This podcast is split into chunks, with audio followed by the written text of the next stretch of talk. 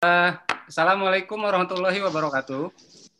Assalamualaikum warahmatullahi wabarakatuh. Uh, kawan-kawan yang di rumah maupun yang uh, di mana pun anda berada, pada sore hari ini kita akan uh, menyimak, ya, kita akan menyimak dari Kang Ai Nur Hidayat tentang Eh, bagaimana pengalaman dia mengelola eh, pendidikan multikultural di Pangandaran, di Parigi, Pangandaran, Jawa Barat, dengan mendirikan eh, SMK Bakti Karya.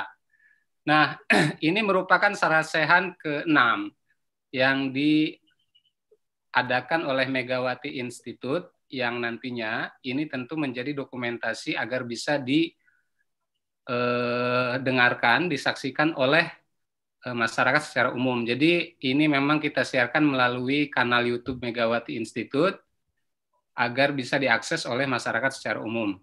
Nah, eh, AI ini eh, kawan lama saya, kawan lama saya eh, di sekolah eh, kuliah di Universitas Paramadina di jurusan Ilmu Komunikasi, eh, lalu juga pernah eh, bukan pernah ya, memang ikut program lulusan Sekolah Pemikiran Pendiri Bangsa eh, angkatan kedua pada tahun 2012. Dan AI ini sudah menjadi tokoh nasional sebenarnya. Tokoh nasional dan eh, sudah lebih populer. Eh, yang jelas lebih populer daripada saya dan juga lebih populer dari eh, Kusnandang.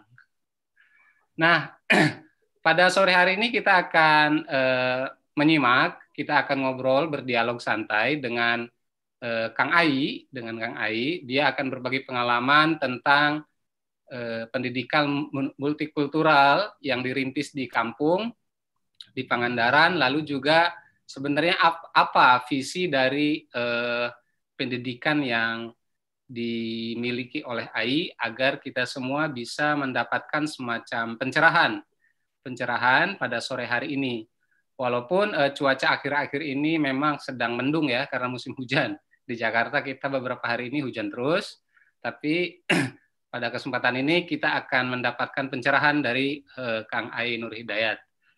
Nah, uh, saya nggak berpanjang lebar, nanti uh, Ai akan bicara tentang uh, visi pendidikan, lalu juga apa yang sekarang sedang dilakukan, ke depannya itu mau seperti apa. Uh, ini forum yang santai saja, Ai. Jadi uh, Ai bisa berbicara, uh, ya inilah gimana nyamannya Ai. Yang jelas kita punya waktu sampai jam 5 sore. Gitu. Ai, mangga Ai. Siap. Selamat sore semuanya. Assalamualaikum warahmatullahi wabarakatuh. Salam sejahtera. Om Swastiastu, Namo Buddhaya, Rahayu. Eh, kawan-kawan uh, semuanya, perkenalkan terlebih dahulu saya Ai Nur Hidayat. Tidak seperti yang disebutkan oleh Kang Dida, itu cuma titel-titel palsu itu. Sesungguhnya yang terjadi adalah saya ini mengikuti itibak ke para ulama. Ya, ulamanya salah satunya Kang Dida, jadi saya cuma mengikuti saja sejak dahulu di kampus para Madinah, khutbah-khutbahnya beliau simak. Saya belum pernah khutbah, tapi beliau sering jadi saya itu sebetulnya hanya pengikut para ulama. Nah, uh, setelah lulus di Paramadina, kalau lulus di Paramadina sebetulnya itu pencapaian yang tidak serius gitu ya. Tidak serius karena memang kalau hanya sekedar mengandalkan angka sidang lalu dianggap sah gitu untuk mengemban misi sarjana atau sujana atau misioneri misionaris gitu uh, itu belum sah sebetulnya. Yang membuat sah saya lulus adalah waktu itu saya berhasil gitu menaklukkan diri saya untuk kembali ke kampung. Jadi pencapaian terbesar saya selama kuliah di Paramadina adalah saya balik kampung ternyata. Dan di situ saya 11 tahun dengan mening meninggalkan rumah, jadi nggak ada di kampung, tapi sering bolak-balik ke kampung dua minggu sekali. Dan itu yang membuat saya jadi gagap dengan budaya sendiri boro-boro mencium bau tanah gitu, merasakan kedaran tanah, boro-boro me, merasakan nikmat terbesar soal hidup gitu ya dan ada yang ada di kebudayaan. Uh, saya malah gagap kelimpungan kayak orang gila gitu.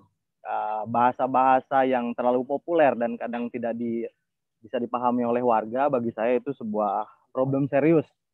Jadi pikiran semakin intelektual gitu jadilah intelektualisme gitu. Tapi ujung-ujungnya juga diikuti dengan eksistensi-eksistensi yang arahnya ini ke, ke urusan material. Maka kadang-kadang juga jadilah saya materialisme dalam praktek yang sesungguhnya gitu. Di situlah bagi saya ke, kedua hal yang pada saat diskusi di uh, Megawati Institute saya masih ingat tentang Ki Hajar Dewantara justru itulah dua hal yang paling di paling dihindari. Karena kalau dunia pendidikan sudah ngarah ke intelektualisme dan materialisme sebetulnya itu bukan lagi pendidikan. Itu hanya bisnis sekolah gitu atau hanya sekedar uh, suprastruktur yang ya tidak terlalu ngaruh lah bagi uh, dinamika perkembangan peradaban. Jadi kalaupun mengikuti uh, tradisi uh, intelektualisme seperti itu yang terjadi adalah kutip mengutip lalu memunculkan kutipan baru dan kutipan-kutipan itu dibukukan akhirnya dikutip-kutip kembali. Sementara penderitaan di sana sini tidak terjelaskan gitu. Sementara banyak anak kecil yang baru lahir yang menunggu untuk dididik diberdayakan juga tidak tersentuh. Sementara perut orang banyak itu masih kelaparan sistem di sana sini masih tidak memberikan kebebasan, kemerdekaan, otonomi bagi insan-insan di di sekitar, apalah gunanya kutip-kutipan itu gitu. Uh, saya lantas tidak menolak tradisi akademik ilmiah, tetapi bagi saya orang sudah terjebak intelektualisme nanti akan melunturkan juga kemanusiaannya dia gitu, merasa uh, punya ilmu dan lebih tinggi daripada yang lain karena itu dapat derajat uh, yang juga itu diikuti oleh biasanya ya diikuti oleh materialis uh, apa material uh, tertentu dalam hal ini duit misalnya atau jabatan atau popularitas itulah yang membuat uh, saya juga sejak awal lulus itu udahlah kita inilah saya saya terus saya benar-benar aduh ini harus ngaji ulang gitu. dan ngaji ulang saya temukan uh, itu setelah bunuh diri kelas jadi kelas intelektual yang selama ini telah mewujud dalam bahasa-bahasa, dalam pemikiran, dalam cara pandang, akhirnya harus saya runtuhkan. Bunuh diri intelektual itu langsung ya mendingan bodoh aja gitu loh. Mendingan balik lagi menjadi tidak tahu atau mempertanyakan hal-hal yang sudah merasa diketahui gitu. Akhirnya itu sendiri yang mengantarkan saya ke aktivitas yang tadi uh, Kang Dida perkenalkan. Aktivitas di mana pilihan untuk istilahnya balik lagi ke ibu kandung kebudayaan. Dan bentuk uh, aktivitas yang saya geluti saat ini tidak lebih adalah sebetulnya untuk merasakan kembali apa yang dulu saya tinggalkan. Terus meraba-raba kembali apa yang dulu mungkin saya pernah raba atau belum pernah diraba belum pernah dijamah jadi pikiran juga diarahkan ke arah situ.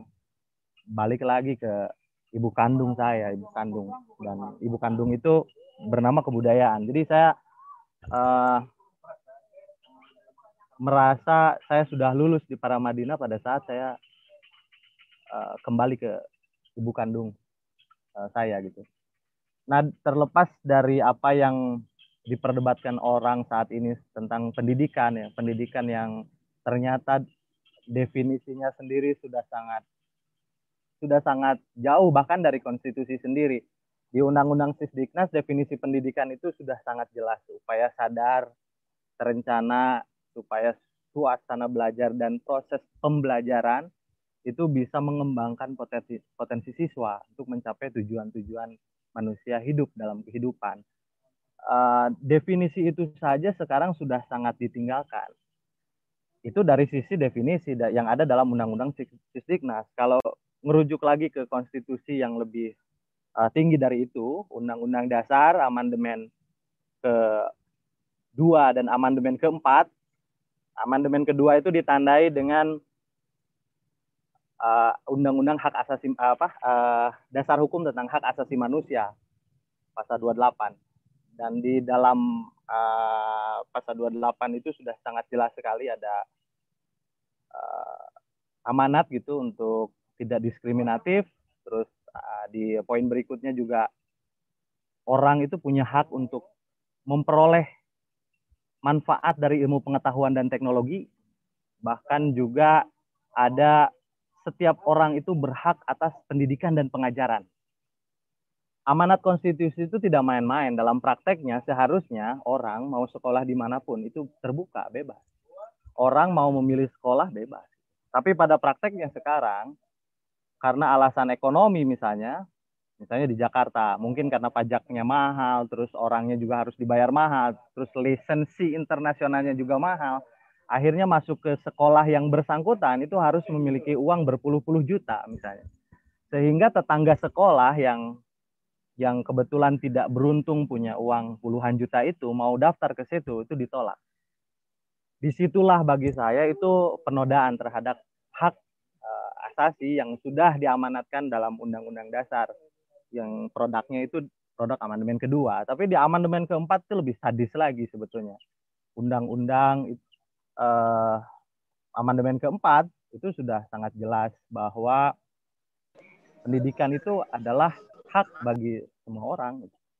Semua orang berhak atas pendidikan dan negara wajib membiayai uh, pendidikan. Bahkan saking wajibnya, saking pentingnya 20% seminimal-minimalnya itu dari APBN pusat dan daerah dialokasikan untuk pendidikan.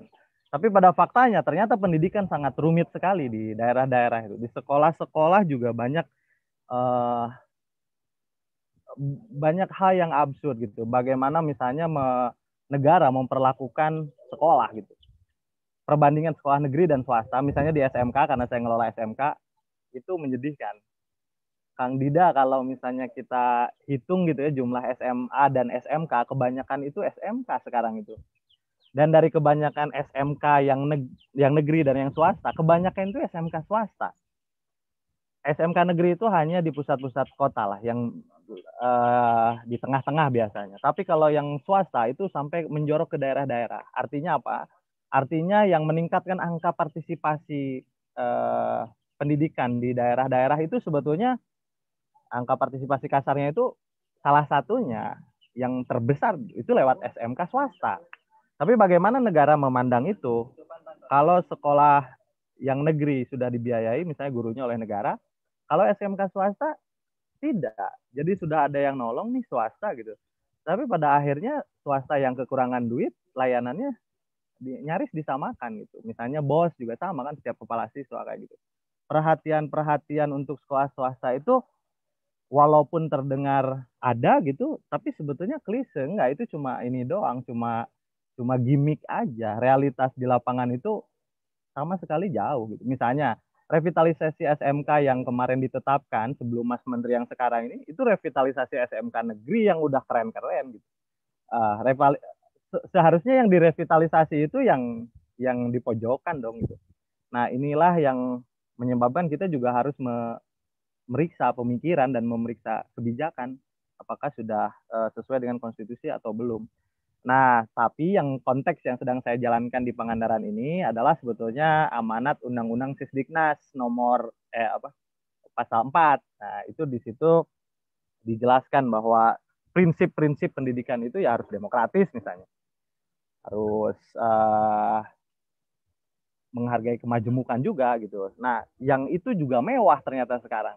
Tidak semua sekolah itu bisa benar-benar leluasa dimasuki oleh siswa-siswa apalagi misalnya karena agama atau karena etnisitas itu sulit sekali sulit sekali sekolah menerjemahkan itu sehingga penalaran soal Pancasila atau soal uh, kewarganegaraan itu banyak yang tidak bisa dijelaskan karena memang siswanya belajar dalam keadaan yang homogen.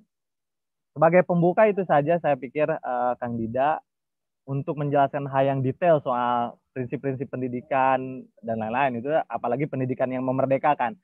Karena kemerdekaan Indonesia itu yang paling kelihatan itu sebetulnya dari aspek pendidikan, pemerintahan, uh, eh, DPR kayak kayak DPR dari dulu juga orang Indonesia banyak gitu yang ikut gitu. Maksudnya yang yang yang yang bukan bule ya kalau definisi ini walaupun nanti sama Profesor Arya Arianto akan dikritik. Tapi yang ekstrim memang dalam pendidikan, eh, maksudnya revolusioner dalam pendidikan. Dari yang tadinya negara tidak ikut campur lah urusan pendidikan gitu, bahkan cenderung diskriminatif, uh, melanggengkan status quo dan uh, tidak punya pembelaan terhadap uh, kaum kaum yang yang mayoritas gitu kaum kaum orang yang uh, tidak berpunya lah istilahnya itu langsung tiba-tiba setiap orang berhak atas pengajaran.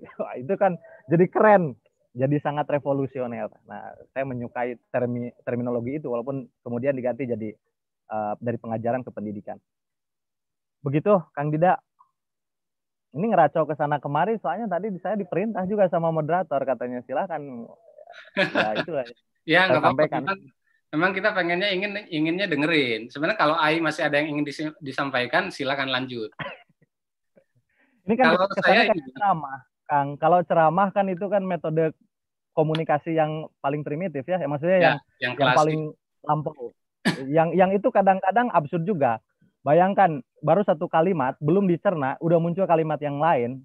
Itu tuh sulit gitu loh. Makanya kita pas waktu ini kenapa di kampung kok materi pengajian sama dari dulu ya ibu-ibu dan itu uh, selalu jadi ini kan seperti formalitas aja kan pada akhirnya gitu. Ya wajar lah kalau diceramahin emang bisa menyerap untuk melakukan refleksi itu terlalu terlalu butuh waktu yang panjang gitu. Jadi untuk menghindari itu saya juga tunduklah pada aturan sang moderator gitu kira-kira. Ini kalau saya tadi eh, ini sih ada satu pertanyaan ya sebagai pembuka, pertanyaan pembuka. Itu kan eh, tadi Ai bilang juga soal jumlah SMK misalnya. Lalu hmm. jumlah hmm. sekolah ya dibanding tadi kan SMK lebih banyak dibanding SMA. Hmm. Nah, yang SMK yang negeri itu kebanyakan di kota sedangkan yang swasta itu kan di apa namanya di kampung-kampung. Salah satunya yang AI dirikan itu. Nah, uh, di beberapa sarasehan itu kan juga ada ada sebenarnya figur-figur AI yang memang juga dia uh, fokus ke dunia pendidikan. Tapi uh, beberapa yang hmm. kita undang itu pendidikannya itu informal. Misalnya kayak Teknisa, Nisa warga Dipura, dia kan hmm. pesantren ekologi. Nah, dia itu hmm. informal karena uh, santri-santrinya itu menempuh pendidikan di luar pesantren. Nah, kalau AI sendiri ini, saya yang ingin pertanyaan saya, itu uh, yang membuat uh, AI ingin bikin SMK itu apa? Itu saya tuh nggak tahu, belum dapat jawaban itu dari. Maksudnya kenapa harus SMK tidak model sekolah-sekolah lain gitu? Yang sedangkan tadi kan eh, saya nggak tahu ya, tapi ini eh, saya bisa, mohon dikoreksi aja. SMK itu kan sekolah sebenarnya kecenderungannya pertukangan ya. Nah, hmm. sedangkan eh, visi AI itu yang saya baca di Kompas di mana-mana gitu tentang AI, kan AI itu lebih menekankan sisi kemajemukan, terus prinsip-prinsip demokratis tadi misalnya itu. Lalu pertanyaan saya kenapa SMK gitu? Sok mangga. Ya, ya. Gini aja kan sebetulnya. Itu jawabannya sederhana sekali. Kalau SMK dianggap sekolah pertukangan atau calon orang-orang buruh lah kayak gitu atau orang-orang teknisi kayak gitu. Lantas apakah perlu kita biarkan? Yang kurang dari sisi pendidikan itu kan sebetulnya yang yang paling justru yang paling penting sekarang itu adalah bagaimana mengembalikan pendidikan ya ke jalannya gitu. Nah SMK kalau diterjemahkan sebagai sarana bagi calon-calon tukang, saya pikir justru yang harus diberikan atau ditawarkan di dalam SMK sendiri adalah sisi kemanusiaannya sisi kebudayaannya yang harus di karena sehebat apa pun skill seseorang, jika pengetahuannya atau eh, bahkan karakternya tidak tidak kompeten ya kompeten dalam arti menghadapi kehidupan itu tuh gak berguna. Saya misalnya jurusannya multimedia nih di SMK Bakti Karya namanya. Jurusannya multimedia. Sehebat apa pun urusan multimedia, kalau mati lampu itu tetap kak, bang. susah bang, nggak ada listrik itu. Tapi makan harus bang. Artinya skill untuk makan, life skill lah untuk hidup, bukan untuk makan saja, itu lebih dibutuhkan dan lebih harus bisa dikuasai. Kalau misalnya di SMK yang yang dianggapnya rapuh seperti itu, ya justru harusnya yang rapuh lah yang kita kuatkan gitu. Walaupun belum tentu juga ya yang di aliyah atau yang di SMA juga uh, punya life skill gitu. Tapi paling tidak bentuk argumentasinya seperti itu dan itu mudah lah dicerna.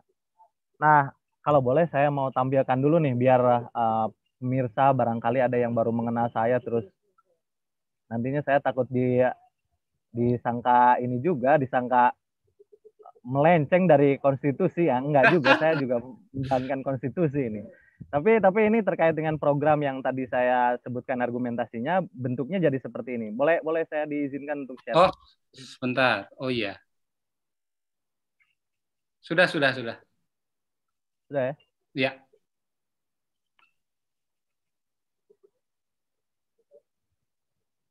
di SMK itu bang jurusannya multimedia. Ya. Tapi saya dan kawan-kawan yang lain itu menginisiasi sebuah program yaitu kelas multikultural. Kelas multikultural ini sebetulnya ada gerakan publik.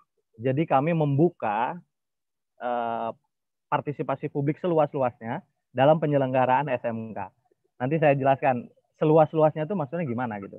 Nah, tapi by definition multikulturalnya sendiri sebetulnya ngarah ke gerakan publik ini untuk belajar tentang bagaimana menerima ini definisinya saya peroleh dari Prof. Musdah Mulia. Bagaimana menerima keragaman, uh, uh, mengapresiasi keragaman. Jadi setelah diterima sebagai sunatullah gitu, sebagai hal yang tidak bisa kita tolak, uh, ya mau nggak mau kita juga harus mengapresiasi, bersyukur gitu loh atas apa yang kita terima ini. Setelah itu nggak mungkin itu bisa tersyukuri kalau tidak dikasih ruang. Artinya harus memberi tempat juga, baik baik itu spare maupun space.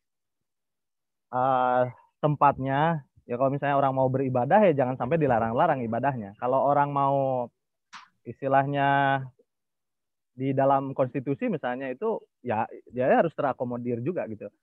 Nah, terus apalah gunanya itu semua kalau tidak dilindungi? Makanya kita antara menerima, mengapresiasi, memberi tempat dan melindungi keragaman itu yang jadi spirit uh, program ini. Nah, program ini diselenggarakan selama tiga tahun dan gratis. Jadi itu, kita uh, Ai sebentar lembaga, itu layarnya belum hmm. muncul. Oh, gitu Jadi ya? munculnya malah layar saya itu ada kesalahan teknis. Masa sih? Keluar dulu nanti munculkan lagi. Oke. Okay.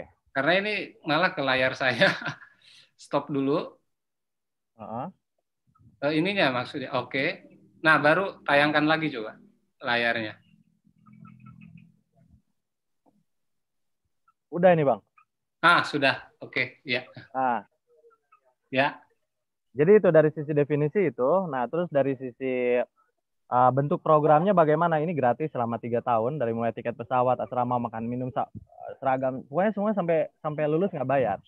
Nah, kenapa begitu? Karena uh, kami ingin program ini bagi siapa pun bisa diikuti, uh, terutama yang membutuhkan dari sisi pembiayaan. Jadi, apalah guna sekolah bagus kalau tetangganya sendiri atau kalau ada orang di pojok sana yang ingin ikut bergabung masih berbayar. Itu jelas-jelas bagi saya itu sebuah pengkhianatan terhadap konstitusi. Nah, makanya kita gratiskan. Nah, setelah itu kita juga ini nggak bisa sekolah berdiri sendiri. Sekolah ini harus hidup tumbuh di dalam kebudayaan. Makanya kita terintegrasi dengan masyarakat sekitar dan membuat namanya Kampung Nusantara. Jadi bagaimana masyarakat di situ terbuka aksesnya juga untuk uh, siswa-siswa dan siswa-siswa itu hidup berinteraksi lebih panjang kan di masyarakat. Nah, konsep dasarnya seperti itu. Kira-kira gini lah kalau di di ini gerakan publik untuk belajar menerima mengapresiasi memberi tempat dan melindungi kebinekaan. Nah ini perspektif ini tuh penting di dalam uh, membangun masyarakat yang beradab gitu. Karena masyarakat yang beradab itu bukan karena orang-orangnya pintar tetapi karena orang-orangnya mampu saling memberikan ruang satu sama lain Sa saling support satu sama lain saling dukung satu sama lain tapi kalau tidak saling kenal ini juga berbahaya makanya kami sengaja datangkan siswa-siswa dari berbagai macam daerah untuk ketemu sama-sama menjalani kehidupan. Di situlah nanti akhirnya beradaptasi gitu. Nah kalau dulu di Islam doktrin peradaban misalnya Nurholis Majid pernah menceritakan kenapa sih Islam tumbuh dan men, istilahnya di perbatasan-perbatasan gitu di kota-kota yang itu menjadi arena pertemuan orang-orang dari berbagai macam uh, masyarakat gitu. Ya logika sederhananya orang-orang yang berbeda-beda itu ketemu dan saling mengupgrade satu sama lain, menjadikan potensi-potensi satu sama lain yang tadinya mungkin bukan potensi jadi potensi. Nah ini kelihatan sekali kemarin ada teman-teman dari Papua ini yang pada saat Lebaran mereka kan nggak pulang gitu. Sehari sebelum Lebaran itu orang-orang pada gulung-gulung tangannya gitu pakai janur, janur kelapa.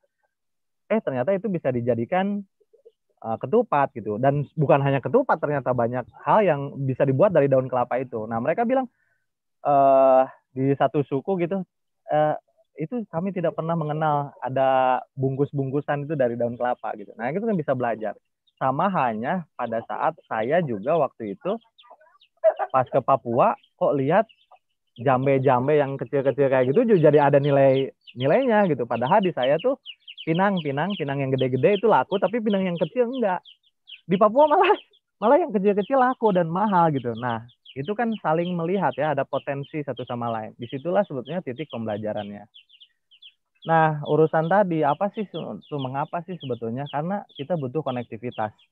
Kalau di sini semuanya pesertanya kayak misalnya Kang Nandang ini. Untuk ketemu dengan orang se-Indonesia itu kira-kira kalau jenjang jenjang ininya mengandalkan jenjang yang sekarang itu harus ikut ke kampus yang kira-kira ini dulu kan kampus top level gitu. Kalau mau berkunjung ke daerahnya biasanya kan mahasiswa nggak punya duit tuh. Harus nunggu kongres dulu kan. Kongresnya di Papua ya nyentuhlah dia tanah eh, di tanah Papua kira-kira kayak gitu kan.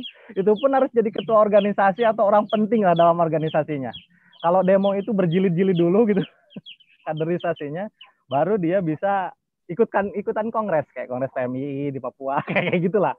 Nah, berapa orang sih yang punya kesempatan seperti itu gitu. Nah, artinya di Bakti Karya nih di kelas multikultural ini baru duduk saja siswa udah punya jaringan nasional. Kira-kira kayak gitu kan, Bang? Karena memang penting membangun komunikasi, membangun jembatan. Uh, itu membuka banyak perspektif, banyak pemahaman. Nah, terus nanti akan dinamis dengan sendirinya karena tiap orang punya background masing-masing dan dia harus hidup uh, bernegosiasi sehari-hari gitu kan. Terus wahana eksplorasi budaya ya jelas mereka akan jadi duta budaya masing-masing dan akan mengeksplor budayanya. Jadi saya lebih percaya kalau orang dari macam-macam beragam yang diketemukan nih bukan malah melenyapkan kebudayaannya tapi malah memperkuat. Uh, analoginya mungkin begini, kalau ada orang Amerika nanya soal keris atau nanya soal batik gitu, tapi yang jawab orang Malaysia kan kita juga panas telinga ini. Nah, kayak gitu ya. Walaupun sekarang udah nggak panas lagi. Monggo lah kalau mau diklaim bebas.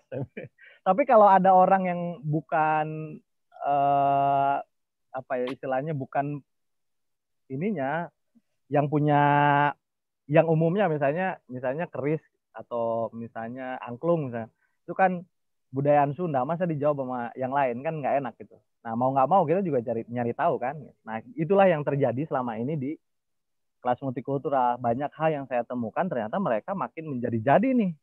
Jadi makin tahu nih makin eksplor nih dan dan bersemangat untuk menceritakan itu ke orang lain gitu. Nah terus toleransi dan perdamaian sudah pasti karena di titik tertentu toleransi itu nggak usah diajarkan. Tapi cukup dialami dirasakan dihayati begitu. Bahkan dibenturkan dengan persoalan-persoalan yang lebih real misalnya nih di asrama bau badan seseorang itu kan nggak nggak uh, ya beda-beda kan. Ada yang sampai puyeng gitu nih. Tapi di situlah justru muncul sikap-sikap toleran, empati pada yang lain. Kira-kira kayak gitu. Nah, ini tadi yang beasiswanya sebetulnya lingkup beasiswanya ini diperoleh karena memang ada kekuatan publik. Publik diajak untuk ikut berpartisipasi sama-sama. Bahkan selain uh, ngurusin pembiayaan, setiap hari Sabtu kita siapkan itu kelas profesi namanya. Jadi kalangan profesional bisa ngajar juga di sekolah kami secara terbuka dan legal gitu. Nah, terus bentuk uh, pendidikannya ya kita arahkan sebisa mungkin ya menyenangkan bagi mereka karena pendidikan yang pakai ketakutan atau pakai aturan berlebihan itu saya pikir udah nggak zaman lagi. uh, siswa itu cuma butuh ruang belajar, ketemu gitu bareng-bareng gitu terus banyakkan praktek, terus interaksi, terus ruang aktualisasi itu yang lebih dibutuhkan ternyata oleh siswa. Dan ini bukan main-main, ini berdasarkan tanya pertanyaan kita juga ke orang-orang, ke siswa-siswa. Sebetulnya yang paling nyaman seperti apa sih? Apakah di kelas terus-terusan, nyimak PowerPoint terus-terusan? Ternyata enggak. Ternyata mereka lebih suka berinteraksi dan di situlah e, justru semua hal alat indera ini berfungsi gitu. Terus dari sisi e, emosinya juga itu kelihatan banget kan siswa-siswa ini. Nah di situlah kita mengelola pendidikan itu bukan hanya mengelola uh, akal ya untuk think gitu kalau tapi feel dan will gitu. Jadi bagaimana seharusnya bisa berpikir secara objektif, secara otonom begitu, tapi juga bisa merasakan dan bisa ya itu sampai will, sampai mau melakukan gitu. Nah ironisnya orang yang katanya misalnya di Jakarta nih tingkat pendidikannya cukup tinggi banget APK-nya itu luar biasa lah ini. Tapi lihat sampahnya. Banyak orang yang tahu sampah itu problem gitu. Dan dia nggak risih banget dengan sampah-sampah itu, tapi tidak melakukan, tidak memungut itu karena bau misalnya. Nah itu kan problem. Dari sisi pendidikan itu sangat problem sekali. Nah terus juga melestarikan tradisi dan eh, bagian dari ekologi ini mesti disadarkan dari awal karena manusia sendiri sebetulnya apa ya istilahnya kalau yang teorinya sangat ini nanti dikritik sama Albert kamu uh, sangat sangat kosmos kayak gitu. Kalau Albert kamu kan bilang absurd katanya. Tapi tapi hakikatnya adalah manusia itu sebetulnya bagian dari alam dan untuk mempelajari tadi itu untuk mengasah kepekaan berpikir merasa dan mau melakukan sesuatu siswa harus diajak dulu untuk me menyadari bagian dari proses-proses yang dia gunakan sehari-hari. Misalnya makan. Makan dari mana? Kalau umumnya di daerah kami ini kan padi nih beras. Itu proses nanam padinya seperti apa dia mesti tahu? Mesti tahu bahwa itu tuh ada alat tukarnya. Dan alat tukarnya itu ternyata bukan uang tapi keringat. Panas-panasan dan lain-lain. Nah ini perlu disadarkan jauh ke dalam kesadaran manusia bahwa ternyata banyak orang melupakan ini. Banyak orang bukan hanya melupakan tradisi tanamnya, tapi melupakan tradisi budayanya. Misalnya sekolah itu dari kelas 1 SD sampai kelas 3 SMA atau bahkan sampai kuliah gitu ya. Ada yang hajatan hari Senin atau ada yang tandur hari Senin, nanam padi misalnya. Karena dia harus masuk sekolah, akhirnya dia jadi nggak ikut. Nah, karena nggak ikut, akhirnya dia juga jadi nggak bisa berbaur dengan yang lain malu dengan yang lain. Ujung-ujungnya pada saat dia mau nikahan, bingung mau nyari bantuan orang lain, akhirnya beli. Di situlah sebetulnya manusia yang tadinya seharusnya bisa otonom dengan kerjasama justru bisa jadi sangat otonom, menjadi sangat tidak otonom ternyata, bergantung dengan dengan cara-cara yang instan gitu. Ya udah impor impor impor, ngutang ngutang ngutang kayak gitu. Itu kan bahaya. Nah, ini siswa sebarannya sudah 21 provinsi walaupun yang sekarang masih yang sekarang aktif kelas 1 2 3 itu 18. Alumni-alumninya juga tersebar di berbagai daerah dan dan ini yang sebetulnya uh, puncak dari sekolah ini sebetulnya di, dinyatakan sukses bukan pada saat meluluskan siswa, tapi pada saat siswa itu bisa memilih perannya masing-masing di alam semesta, di kebudayaannya. Mau apa pun profesinya, mau dia kuliah atau dia langsung kerja apa langsung menjadi aktivis ya itu bebas-bebas saja. Tapi dia melakukan itu dengan penuh kesadaran dan punya skill yang bisa mendukung dia gitu. Nah kayak gitu sih Bang. Jadi penjelasan soal programnya sendiri sebetulnya tidak terlalu rumit gitu ya. Uh, ya kelas multikultural ini inovasi aja sih di sekolah yang tadinya formal ada perspektif lain yang dikembangkan gitu. Karena kita tidak mau juga terjebak pada uh, ya tadi kan sekolah pertukangan gitu. Eh, emang tukang kenapa gitu? Yang penting kan punya basic pengalaman, terus ya sensitivitas itu yang yang cocok lah dia mau hidup di peradaban mana saja, di kebudayaan mana saja. Gitu dan dan uh, satu lagi, Bang, uh, tahun lalu saya ikutin simposium antropologi di UGM Jogja itu UI sama UGM menyelenggarakan simposium tentang antropologi saya temukan waktu itu cuma lupa ya ngobrol siapa ya. uh, keragaman itu kan melahirkan potensi konflik dan melahirkan potensi kreatif jangan sampai keragaman jadi potensi konflik. Makanya muncullah lembaga-lembaga kayak Wahid Foundation, Marif Institute dan lain-lain ya, untuk mendamaikan, membuka dialog, membuat pertemuan-pertemuan itu supaya saling ada kesepahaman satu sama lain dan tidak menjadikan alasan berbeda untuk konflik gitu. Tetapi keragaman yang menyimpan potensi kreatif ini artinya sengaja mempertemukan orang, bahkan membentur-benturkan orang untuk terjadi sesuatu yang sifatnya uh, baru gitu. Itu jarang. Nah, makanya bakti karya ini kayaknya kategorinya ya ke situ iya, tapi justru yang lebih dominan justru mempertemukan itu supaya melahirkan hal-hal yang kreatif karena ada pertemuan dibentur-benturkan itu gitu.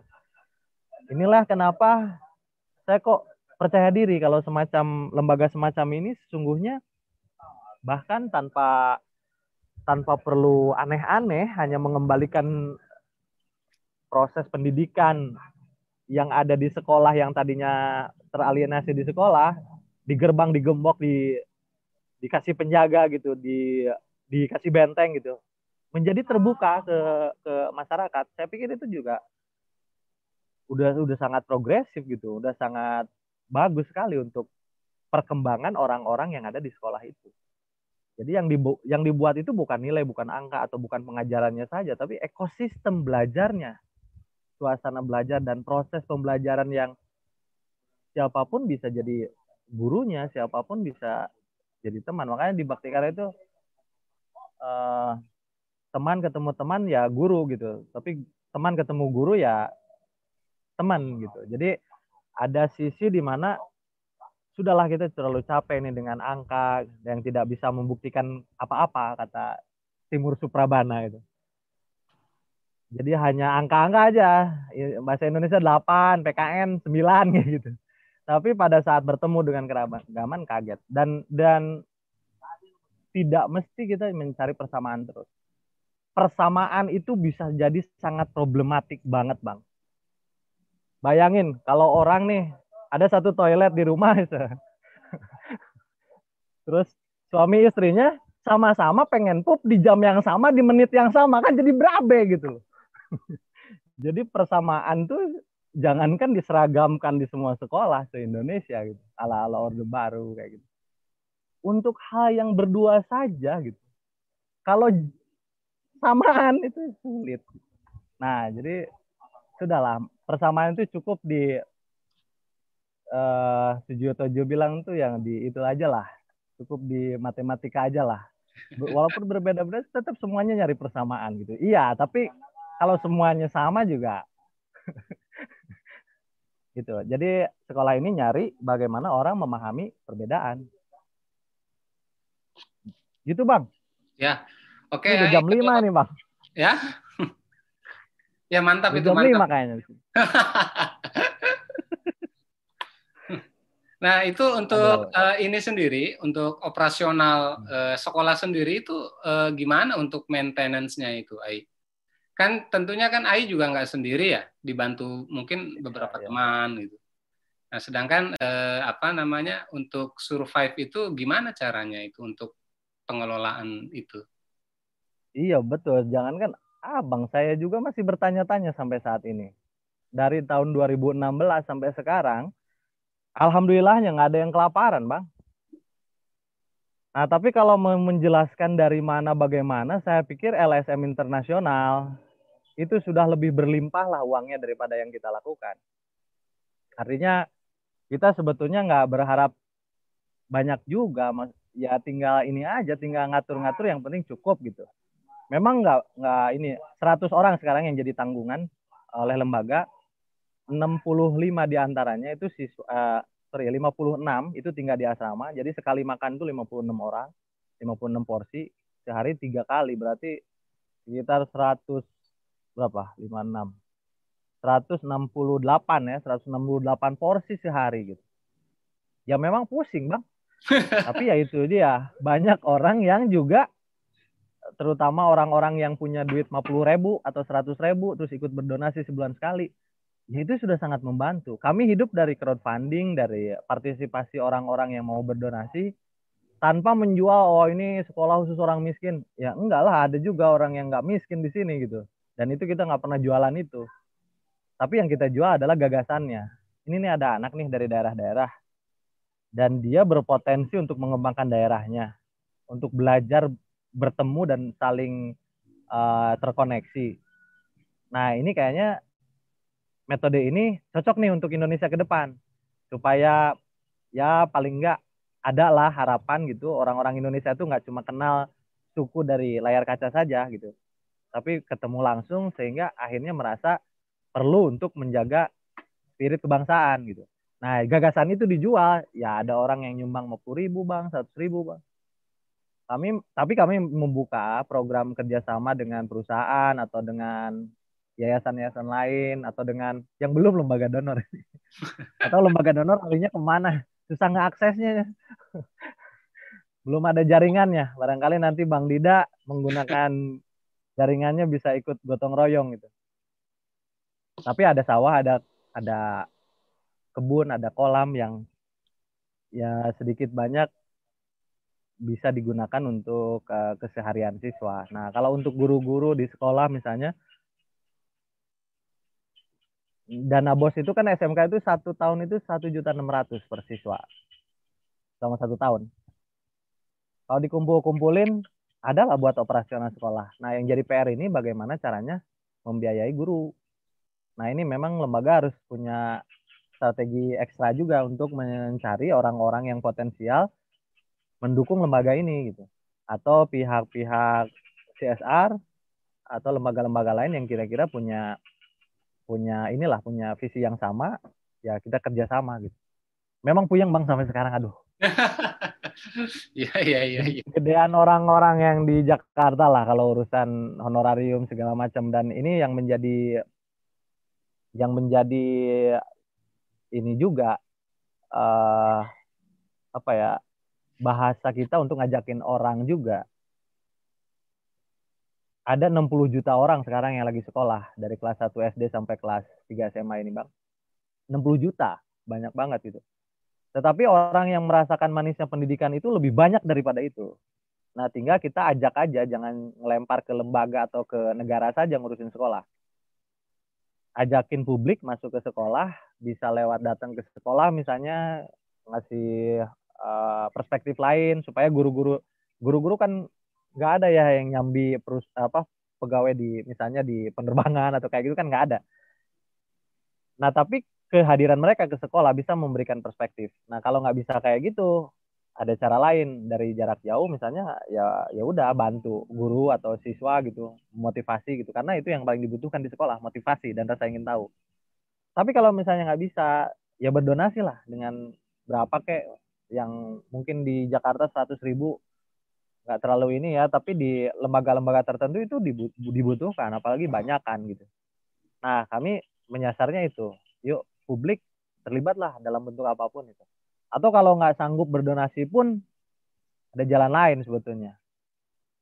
Ya udah bikin konten-konten yang kira-kira membuat orang tercerahkan kira-kira. Oh. Kalaupun sampai nggak ada waktu gara-gara kerja gitu, ya udah deh sediain waktu semenit atau sedetik aja lah nyelipin doa gitu kan supaya orang-orang yang mengelola pendidikan ini dikuatkan gitu. Karena menghadapi apalagi di SMK ya uh dari remaja ke dewasa ini bang ha itu. Tapi itu harus dihadapi. Justru yang seperti itu harus ada pendekatan-pendekatan baru kan. Jangan sampai terlalu mendikte atau jangan sampai mengajak mereka untuk apa istilahnya hanya tunduk pada pertanyaan-pertanyaan dan mencari jawabannya dengan ngitung kancing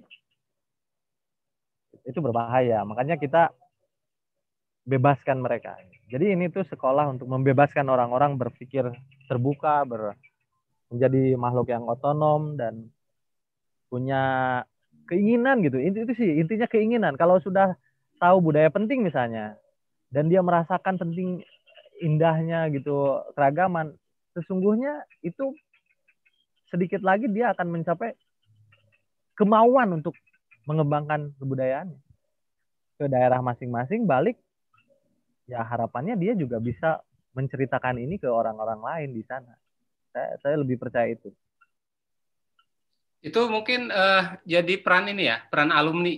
Saya ingin ingin tahu uh, seberapa besar peran alumni untuk sekolah itu. Karena kan mereka uh, sebenarnya brosur yang paling efektif Iya kalau bahas program ini kan baru ngelulusin dua angkatan bang.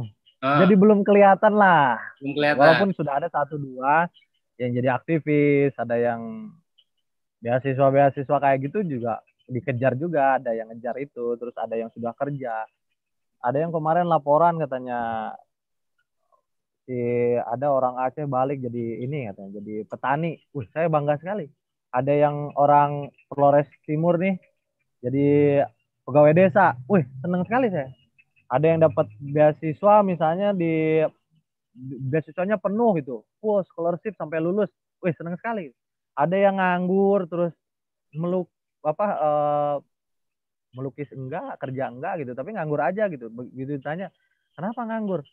Karena banyak ini apa dunia ini harus di ini katanya pak disiapkan itu. Kuliah pun nggak bisa kacang-kacang dan lain-lain kayak gitu. Wah bagus sekali itu. Paling tidak dia inilah berani gitu loh untuk mengungkapkan bahwa ada jalan yang begitu banyak untuk mencapai kebermanfaatan kehidupan.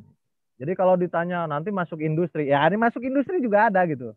Cuma kita dari pihak lembaga tidak mengharuskan siswa-siswa ini langsung kerja di industri walaupun kita punya ikatan dengan industri atau kuliah semua ya atau ini bahkan ada yang sudah kawin berapa pasangan saya malah seneng gitu. Karena di mana pun dia menjalani perannya mau jadi apa kayak tukang galon kayak apa kayak yang penting punya punya itu tadi. Spirit hidupnya ada. Paling enggak kalau di ceritanya Abu Nawas kan jelas tuh kan dia jadi sadar gitu. Ya sebetulnya karena kalau eh, apa jangan sampai kalau nggak bisa jadi garam atau nggak bisa memperlezat masakan ya jangan sampai jadi laler gitu membuat orang jijik dengan masakan itu. Jadi kalaupun nggak bisa berkontribusi besar untuk bangsa ini paling tidak nggak jadi beban lah. Iya, iya. nah itu aja enteng-enteng ya. Iya. Ya kalau itu nggak bisa berkontribusi ya paling nggak jangan jadi beban lah gitu betul itu prinsip yang paling mendasar gitu ya. Iya. Nah, yang jadi beban tuh contohnya kayak gini, Bang. Uh-huh. Mau makan saja harus ribet dipusingkan dengan listrik, dengan gas dan sebagainya.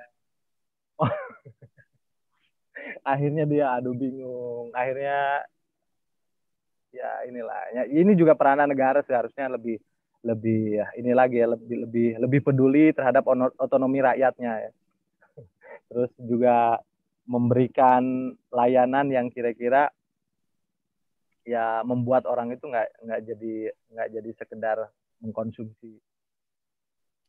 Nah, maksud sesuatu. maksud uh, pertanyaan saya itu Ai uh, soal program dari ini sendiri dari apa dari sekolah program yang Ai sendiri buat untuk hmm. menjaga uh, jaringan alumni ini seperti apa gitu loh kan nggak mungkin setelah lulus ya udah gitu kan atau memang oh. Sejak awal? Biarin aja, Bang. Oh, dibiarin kan sih gitu. Dibiarin aja. Secara uh. alamiah terbentuklah grup WA sendiri. Oke. Okay. Secara alamiah terbentuklah komunikasi dari pihak dari para alumni yang bagi kami guru-guru ini itu saja sudah sangat ya berhasil lah dalam hal uh, apa ya istilahnya nganterin orang sadar sampai sampai menghubungi gurunya terus sampai dia bercerita tentang kisah kehidupan yang ada yang berat banget gitu. Tapi dia ceritakan itu kan sudah sangat berhasil bagi kami guru-guru karena dia mau ternyata membuka diri mungkin tidak dapat solusi langsung, tapi paling tidak upaya dia untuk berkomunikasi itu langkah berani. Ya harus kita hargain. Se, se, se sebagaimanapun bentuknya gitu bang. Jadi nggak ada tuh ikatan alumni SMK Bakti Karya tolak ini dukung itu gitu enggak. uh, otonomi yang jadi ininya. Oke, uh, ya saya uh, ingin kasih kesempatan ke kawan-kawan yang uh, apa namanya, yang ingin berkomentar, bertanya ke AI, silakan. Eh, silakan Bang, Bang Marbawi. Oke, uh, terima kasih, uh, Kang AI.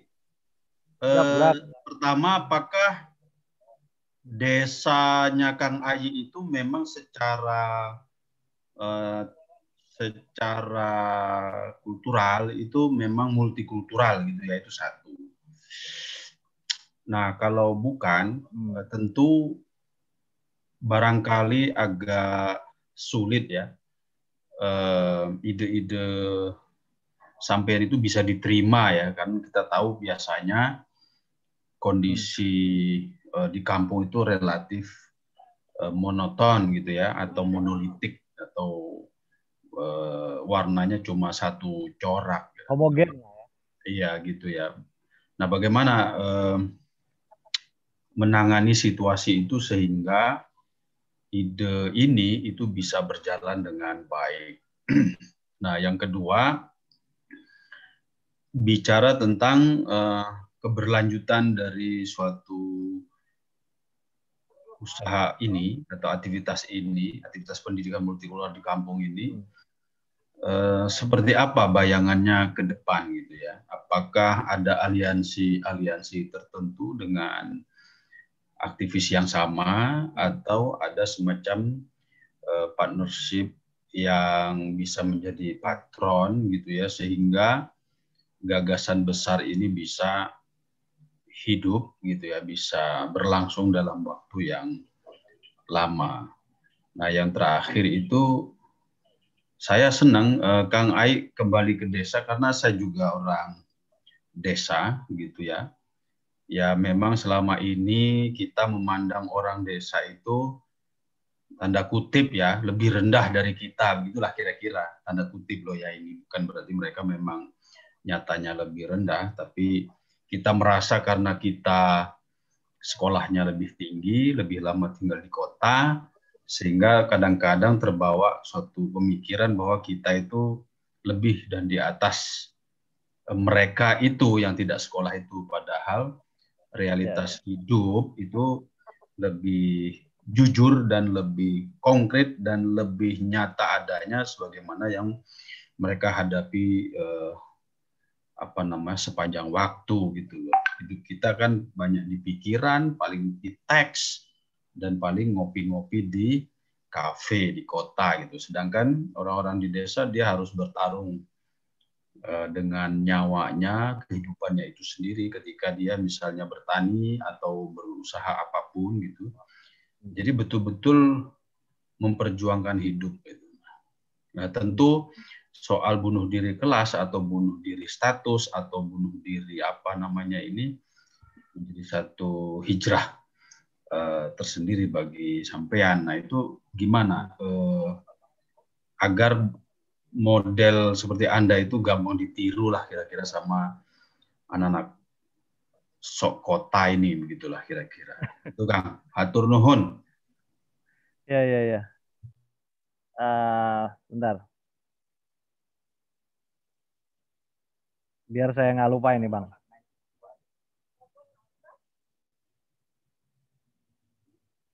Oke, yang kalau tadi pertanyaan yang pertama itu Bang soal bagaimana warga masyarakat yang homogen menerima ide gagasan tentang kelas multikultural ini. Nah, di awal-awal tahun memang saya juga meragukan itu kan. Dan ternyata baru setengah tahun ada konflik SARA itu Bang. Jadi bahkan Forum Perukunan Umat Beragama mengirimkan surat ke Bupati gitu. Lalu uh, saya disidang Bang waktu itu sama Bupati sama SKPD sekabupaten. Nah, itu Terus ada orang yang nyebarin surat juga sampai ke 500 DKM masjid, Bang. Jadi kalau ke Pangandaran itu masih banyak orang yang menganggap Bakti Karya itu sekolah Kristen, katanya misionaris, kayak gitu macam-macam lah. Uh, itu liputan Kompas tahun 2018 sudah menulis itu. Uh, tapi saya melihat faktor penolakan mereka di kampung saya sendiri sebetulnya nggak kentara, nggak ada. Itu dari luar sudah. Konteksnya konteks pilkada DKI Jakarta di masyarakat sendiri memang ada kecurigaan terhadap orang yang berbeda karena efek eh, konflik di Tasikmalaya utamanya sebetulnya di Tasikmalaya tahun 96 sampai 99 konflik dengan orang Cina dan orang Kristen waktu itu, pembakaran gereja ya, terakhir di Tasik Selatan. Dan itu informasi-informasi itu menyebar ke masyarakat sampai banyak orang yang punya stigma yang buruk terhadap agama lain. Dan itu saya sendiri dulu pas waktu SD saya juga jadi benci orang yang bukan Islam itu gara-gara diajarin sebetulnya gitu. Nah, itu tidak terrekonsiliasi, Bang. Cara berpikir seperti itu di masyarakat dan itu wajar gitu wajar karena karena tidak ada rekonsiliasi. Apa sih negara ngasih rekonsiliasi apa sih gitu? Enggak gitu. Saya masih ingat ada uh, tetangga saya satu RT pas saya, saya tanya gimana katanya orang orang orang Cina gimana menurut Akang, menurut Mang katanya ade eh orang Cina mah eh oh bla bla bla gitulah pokoknya. Itu tahu dari mana gitu loh. Punya teman orang Cina? Enggak gitu loh. Nah, tapi setelah ada Kampung Nusantara, saya tanya ulang orang yang sama, gimana orang berbeda? Ah selama ini juga ada orang beda agama di sini nggak ada yang pindah agama. Orang biasa-biasa saja, malah jadi kita jadi paham aja katanya banyak orang yang berbeda-beda agamanya ternyata.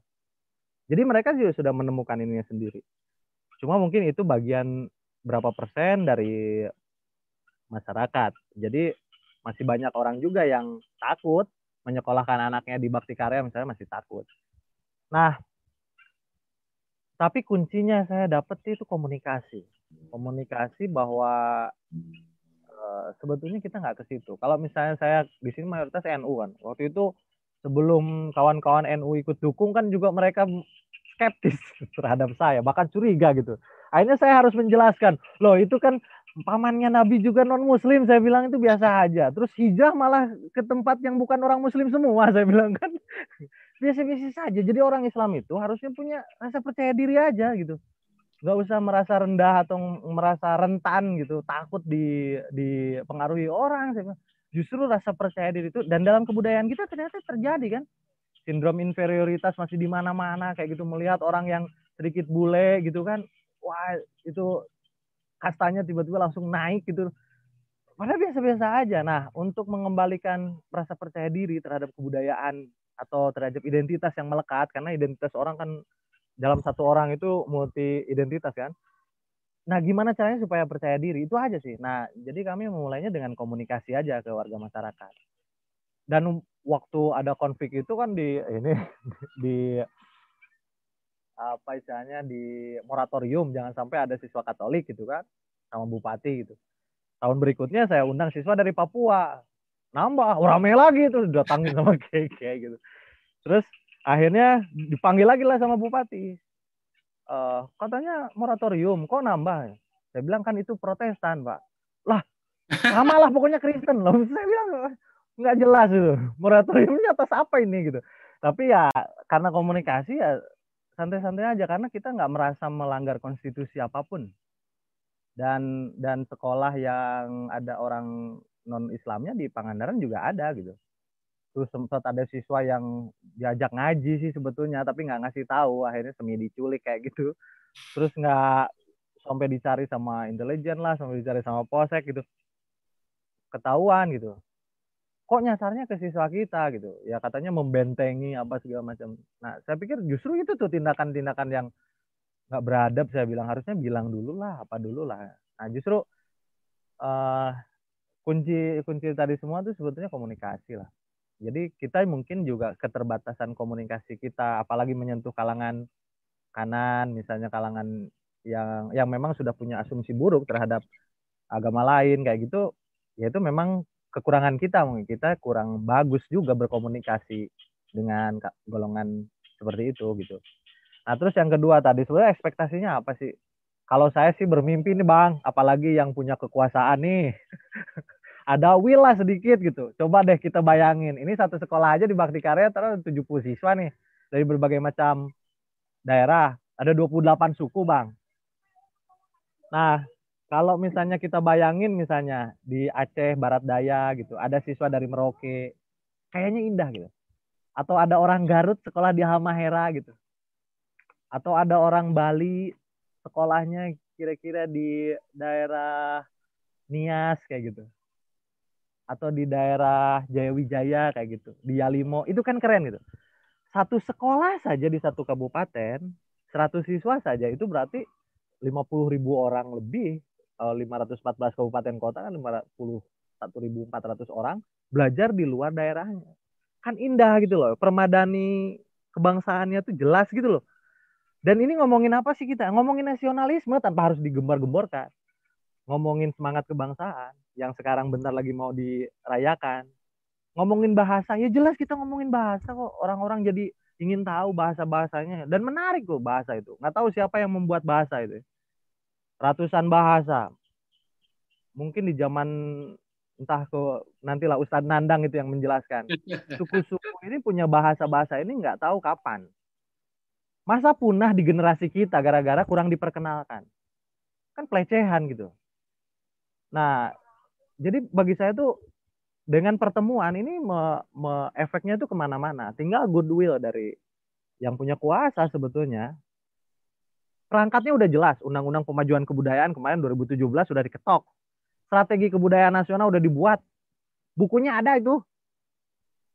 Tinggal dijalanin. Apalagi kalau nyentuh ke politik-politik dikit nih, maaf, maaf nih. Di generasi pertamanya Pak Pak D sekarang kan Nawacita poin 9 sudah jelas itu.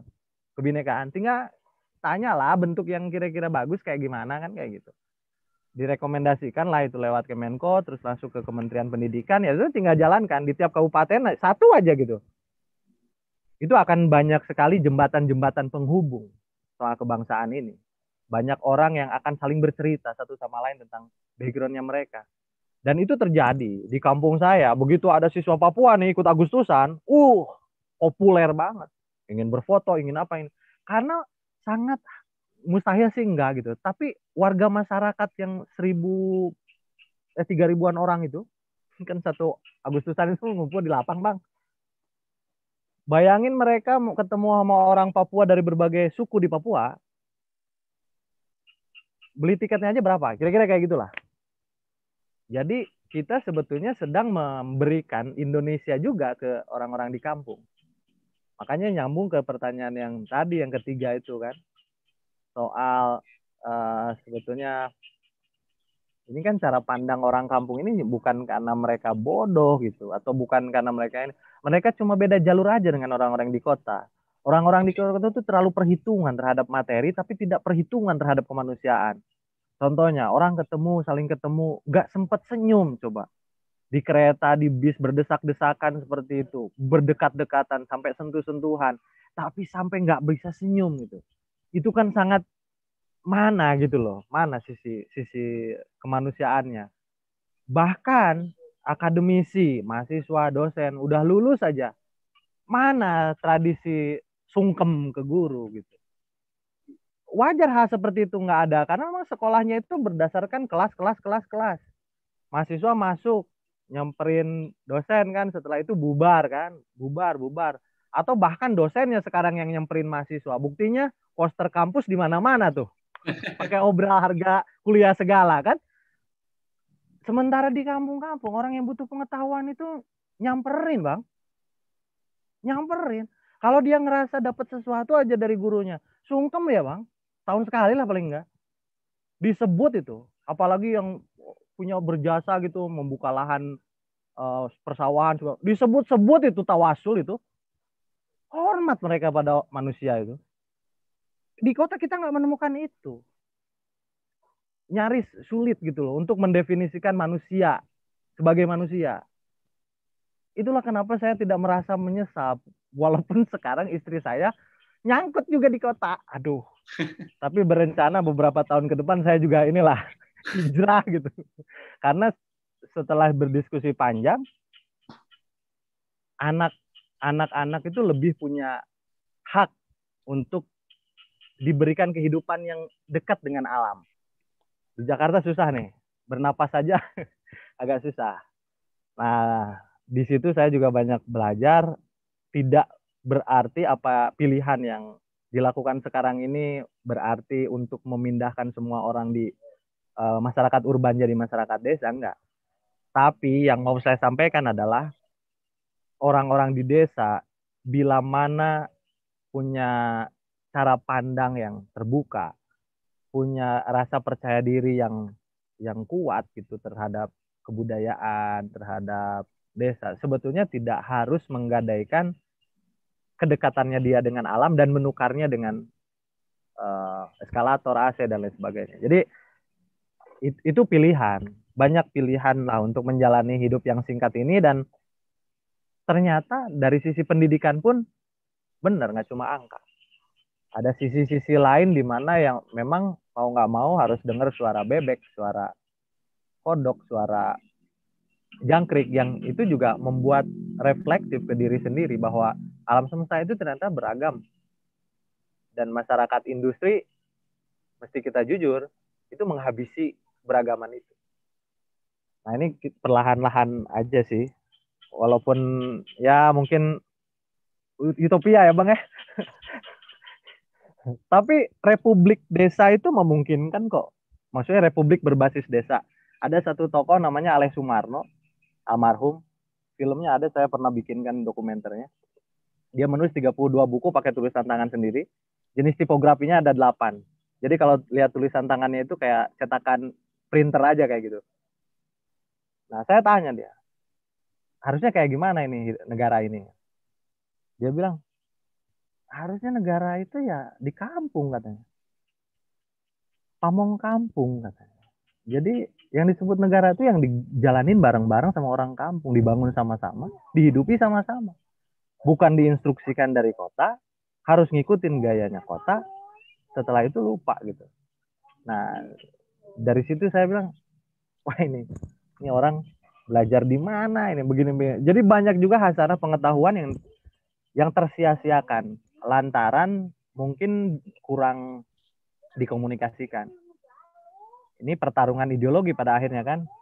Menolak dominasi dan hegemoni kalangan urban. Seakan-akan semuanya sudah sudah begitu otomatis saja. Nah, nah ini saya alami kemarin minggu lalu kan. Siswa saya ada yang magang karena kita mau alih teknologi dari Linux ke eh, apa dari Intel ke ini nih open source gitu. gitu uh, pakai Raspbian, pakai sistem ARM kayak gitu. Nah, ini harus ada yang belajar orang-orang tentang open source nih. Akhirnya saya ngutus tiga orang untuk mempelajari itu gitu. Nah, magang di tempat magangnya tuh ada kebun gitu. Nah, itu sama si pemilik lembaganya itu juga berkebun. Wih, begitu ngelihat siswa-siswa bisa manjat pohon kelapa, bisa motong bambu dengan baik dan benar. bisa banyak skill-skill yang ternyata Ih, gila bagi orang kota mah ini mah ajaib kali bisa begitu gitu. Bahkan belah dawegan aja Kang, itu kan eksklusif sekarang itu jadinya di kota gitu kan. Padahal seperti itu biasa gitu. Nah, masa sih harus nunggu masyarakat seperti itu dulu baru menghargai life skill atau kemampuan orang-orang di desa. Jadi ini pada akhirnya kan jadi ideologi juga kan berperang melawan hegemoni lah gitu. kalau kata Kang Didama lo juga nggak bisa lepas benar sepenuhnya dari hegemoni. Iya nggak bisa. Ya, gitu. ya. Uh, nah, ya itu bang. Yang terakhir tadi belum belum itu. Yang mana? Silakan eh, yang mana kan, eh, coba ingatkan. Dengan dengan apa ya? Dengan konektivitas yang konektivitas internet dan infrastruktur oh, iya. transportasi yang semakin uh, lancar begitu ya sebenarnya hmm.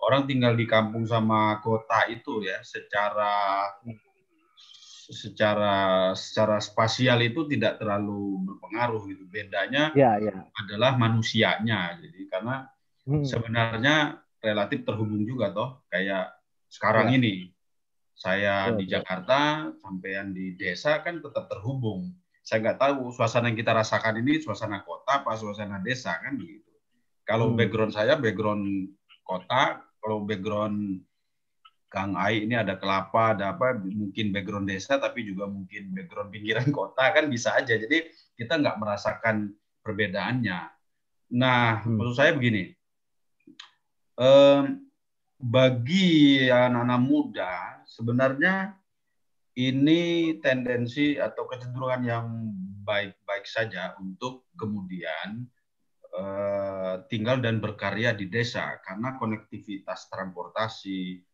infrastruktur dan digital itu sudah eh, sudah cukup memadai begitu.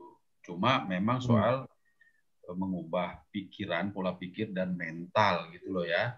Nah, seperti apa hmm. sih bayangannya kalau misalnya gini? Biar lebih banyak seperti Kang Ai itu gimana deh menurut Kang Ai? Oh, kalau pertanyaan seperti itu saya bertentangan dengan ide sendiri, Bang. saya ya harus satu, yang kan teman-teman kan lain bilang, harus punya karakter. Ya, kan tadi bilangnya bahwa harus banyak uh, di berbagai tempat kan begitu. Ah, okay. Ya kan? Paling tidak ya kita bisa inilah semacam uh. engineering gitu loh untuk bisa ngarah ke sana gitu sekalipun uh, kalau dibiarkan lolos begitu aja kan lama modelnya nanti. Sedangkan ini penting gitu loh semakin berpacu dengan waktu lah kira-kira. Iya iya ya. Ya jawaban itu malah ada di Kang Dida, Kang Marbawi dan lain-lain untuk mengarahkan arah dari pemangku kebijakan mengambil kebijakan-kebijakan strategis untuk mendekatkan kembali orang kepada budayanya. Karena ya itu tadi, istilahnya sekolah itu harusnya jadi jadi uh, anak kandung kebudayaan.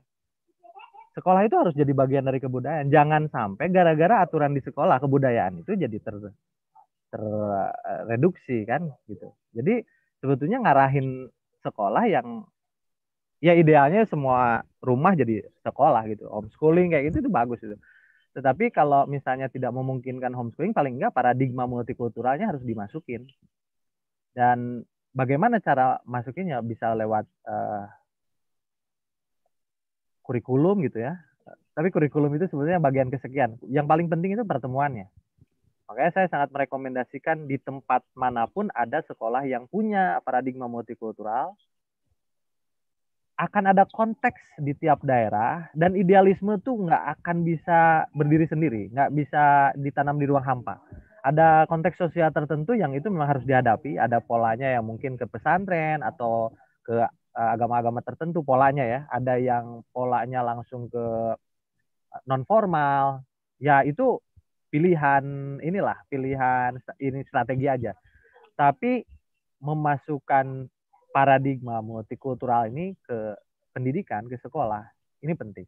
Nah, sekarang yang saya rasakan sendiri, misalnya di kementerian, Bang, ada enam karakter katanya karakter pelajar Pancasila katanya salah satu yang di ininya kan kebinekaan global gitu bagaimana sikap seorang harus ber terbuka gitu dan tidak rendah diri di hadapan uh, kampung global ini dan memang harus punya ini kan keterbukaan gitu iya tapi itu harus dikuatkan juga di internal kebangsaannya karena garis batas kita dengan masyarakat global itu kan sesungguhnya yang paling dekat adalah kebangsaan. Kebangsaan yang membuat kita sebetulnya bisa secara rame-rame bergotong royong membangun kepercayaan diri masyarakat kita gitu, kebudayaan kita. Jadi pada akhirnya ya itu tadi kalau mau orang ber uh, memiliki cara pandang seperti itu ya adakan yang seperti itu. Nah, harusnya tadi pertanyaannya justru yang Kang Dida tadi, alumni-alumninya ini kira-kira punya nggak perspektif itu gitu kan? Nah, saya malah mau ngelempar sebuah analogi. Kalau 10 orang dididik jadi montir, 10 orang lagi dididik jadi koki. Pertanyaannya, siapa yang akan jadi montir? Ya orang akan jawabnya mayoritas jadi montir. Apakah orang yang dididik jadi koki bisa jadi montir? Mungkin ada, tapi probabilitasnya kecil. Nah, kami pakai analogi itu aja. Apakah lulusan bakti karya dengan tadi berbagai macam pendekatan ngarahnya ke paradigma multikultural, berpikirnya kemudian akan multikultural juga? Ya itu dijawab pakai asumsi saja bisa. Tapi kalau ini tidak dijalankan, ya tadi ini cara-cara yang biasa saat ini kan ini tidak dijalankan, malah pakai sistem kalau dulu sistem apa tuh rayon gitu ya jadi orang dari SD, SMP, SMA itu rata-rata tuh sama jadi homogen itu karena sistem persekolahannya sesuai rayon. Sekarang sistem zonasi kayak gitu. Walaupun ada maksud-maksud lain supaya ya itu bias kota lah sebetulnya. Nah ini kan itu jadi harus diubah gitu. Justru paradigma multikultural ya harus dimasukin. Apa sih murah kok bagi negara? Semiliar, dua miliar juga bisa setahun. Setahun itu biaya operasional setahun untuk membuat program kelas multikultural. Sekolahnya udah ada, gurunya udah ada di kami guru-gurunya lokal semua kok. Yang penting ada nggak niatannya untuk menggunakan paradigma multikultural itu. Toh pengalaman yang kita lakukan juga bisa sharing lah yang kita lakukan atau magang dulu kayak guru-gurunya di sini gitu atau uh, kitanya bikin pelatihan kayak atau kayak gimana kayak gampang-gampang saja karena yang kita lakukan di sini itu bukan ilmu yang mewah tapi pendekatan yang manusiawi yang yang yang sebisa mungkin dekat dengan eh, lokalitas gitu Kayak gitu sih Bang. Jadi sebetulnya ini murah, mudah, dan nggak menakutkan caranya, metodenya. Cuma kan ya itu dia. Uh, kenapa metode yang jadi jawabannya? Karena niat baik nggak cukup. Negara ini nggak punya niat baik aja nggak cukup. Monyet yang temenan sama ikan, terus suatu saat monyet lihat mendung dan mau ada badai, dia mau menyelamatkan ikan, ikannya dibawa ke atas pohon, badainya selesai ikannya mati. Itu kan niat baik si monyet kurang apa. Tapi karena nggak mampu berkomunikasi, karena main asumsi sendiri gitu, dan metodenya yang salah, bisa membunuh. Begitulah sekolah sekarang. Guru-gurunya sangat berniat baik, tapi begitu ngajar di dalam kelas selalu memberikan pertanyaan pertanyaan yang uh, apa tuh yang pertanyaan jawabannya iya dan jawabannya enggak gitu jarang sekali ada Hah? Ya multiple choice. Pilihan ya, Enggak enggak aduh aduh ada ada ada istilahnya itu. Ah uh, jadi pertanyaan-pertanyaan yang tidak berkembang jawabannya gitu.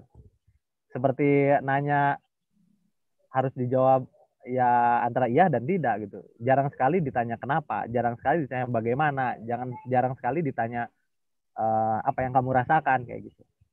Nah, itu lama-lama atau gini lah ilustrasi di dalam kelas itu. Ada orang yang nanya. Nanya lagi, nanya lagi. Eh, udah dong kamu jangan nanya mulu. Biar yang lain yang nanya gitu. Padahal dalam ilmu pendidikan orang mau nanya saja itu butuh hidayah, itu butuh insight yang itu nggak bisa ditunda. Tapi dimatikan begitu saja oleh si guru itu tanpa sadar itu mematikan kreativitas, mematikan skeptisisme, mematikan rasa penasaran siswa. Niat gurunya baik, tapi metodenya keliru. Nah, itu saya pikir metode lah jawabannya. Diktat-diktat asing celah. Yang sekarang juga sudah berganti haluan nih dari MDGs ke SDGs gitu. Itu sebetulnya mesti kita sambut baik juga.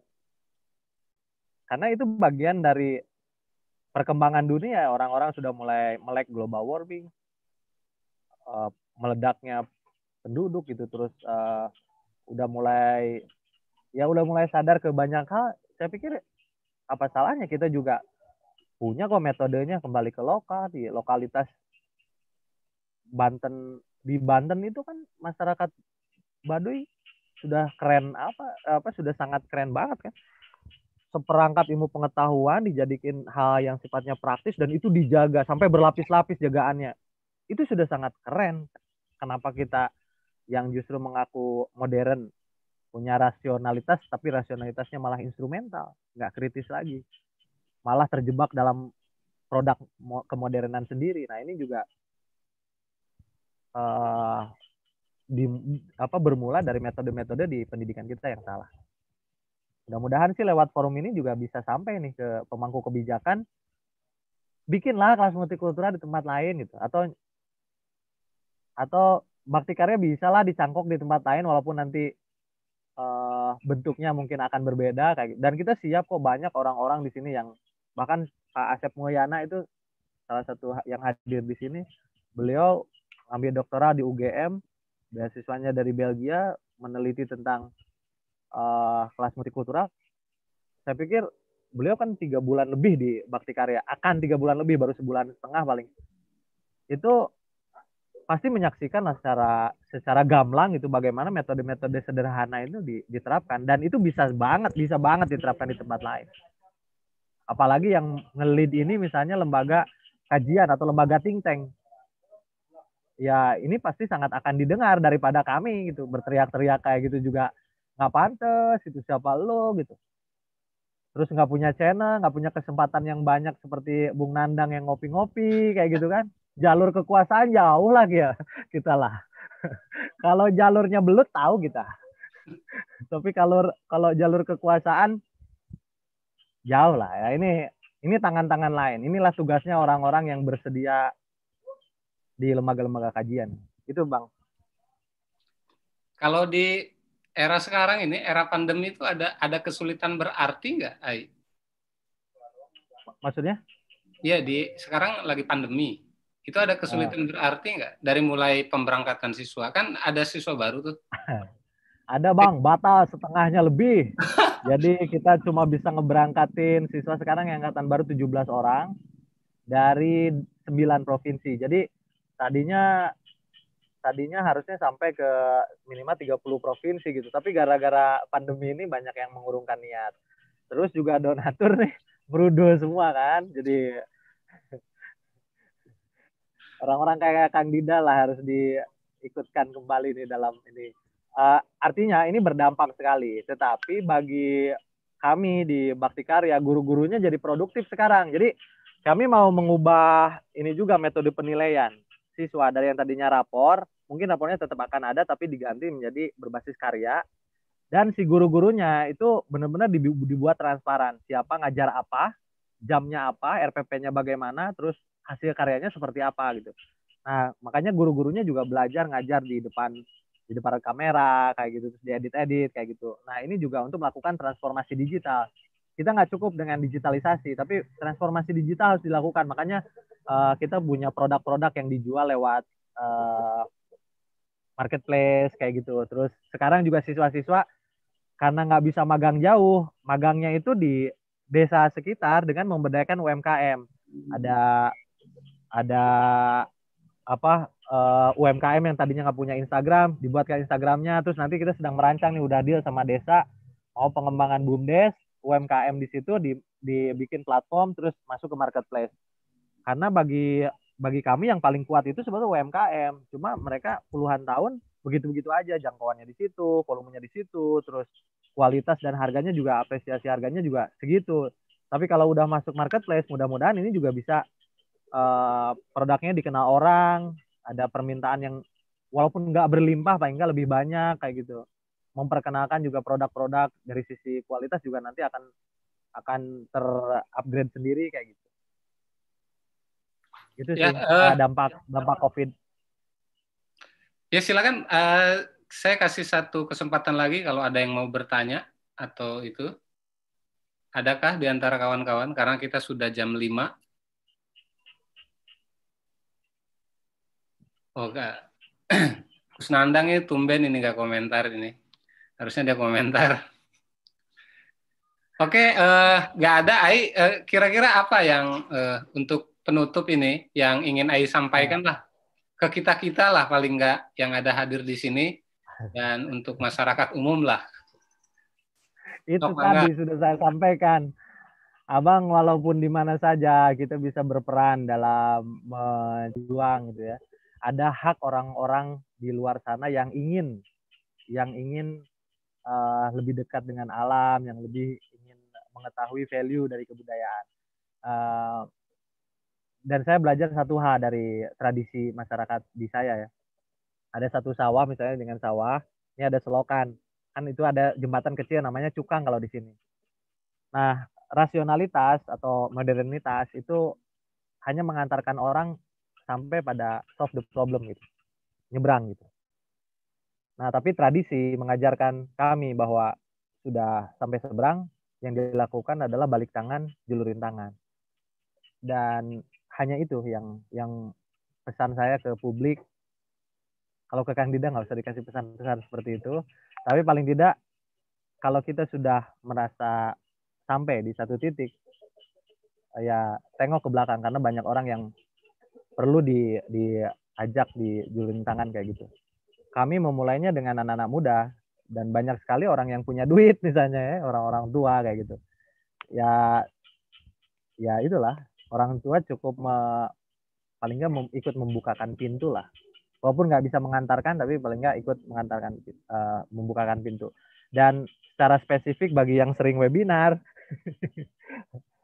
saya kadang-kadang malu nih omongan-omongan kayak gini kalau bisa disampaikan sama siswa lebih baik saya rekomendasikan pembicaranya siswa artinya saya sudah malu. Orang yang sudah di atas berpuluh-puluh tahun lah kayak gitu. Dengan kepakarannya tapi sebetulnya bisa menyampaikan bahasa itu lewat orang lain yang lebih mudah supaya bisa lebih dipahami dan mencapai audiens gitu. ya sebaiknya direlakan sajalah untuk ngasih panggung ke ke mereka gitu ke anak-anak yang lebih muda. Uh, kadang ironi kemarin-kemarin tuh ada beberapa kali rangkaian di, rangkaian diskusi yang ngomongin milenial tapi ngomonginnya profesor, dokter yang udah tua-tua kayak gitu. Terus saya lihat di pesertanya juga nggak ada juga peserta anak-anak milenial. Jadi kadang-kadang hal, hal seperti itu juga uh, pil pahit yang memang harus di, ditelan gitu. Itu sih. Oke. Okay, uh, eh, nanti Megawati Institute yang muda-muda Kang yang diundang. Nandang tuh kayak gitu tuh. Oke, ini uh, siap. Terima kasih. Eh, kawan-kawan semua, kita ini harus akhiri karena uh, janjinya sama AI itu sampai jam 5. Dan ini memang uh, kita akan dokumentasikan ini. Jadi agar bisa diakses nanti ke yang apa namanya ke yang masyarakat secara umum dan yang mudah-mudahan hmm. bisa ke sampai ke pemangku kebijakan lah sesuai dengan harapan AI. AI uh, hatur nuhun uh, ini hatur nuhun pisan ya guys ngarepotkan orang ya ya. Uh, hatur nuhun pisan ini kawan-kawan sekalian sami-sami uh, Sarasean ini akan masih berlanjut dengan tokoh-tokoh inspiratif uh, pada hari Selasa, setiap Selasa. Jadi uh, silakan saja pantau uh, media sosial uh, Megawati Institute. Eh, terima kasih, selamat sore, salam Pancasila. Assalamualaikum warahmatullahi wabarakatuh.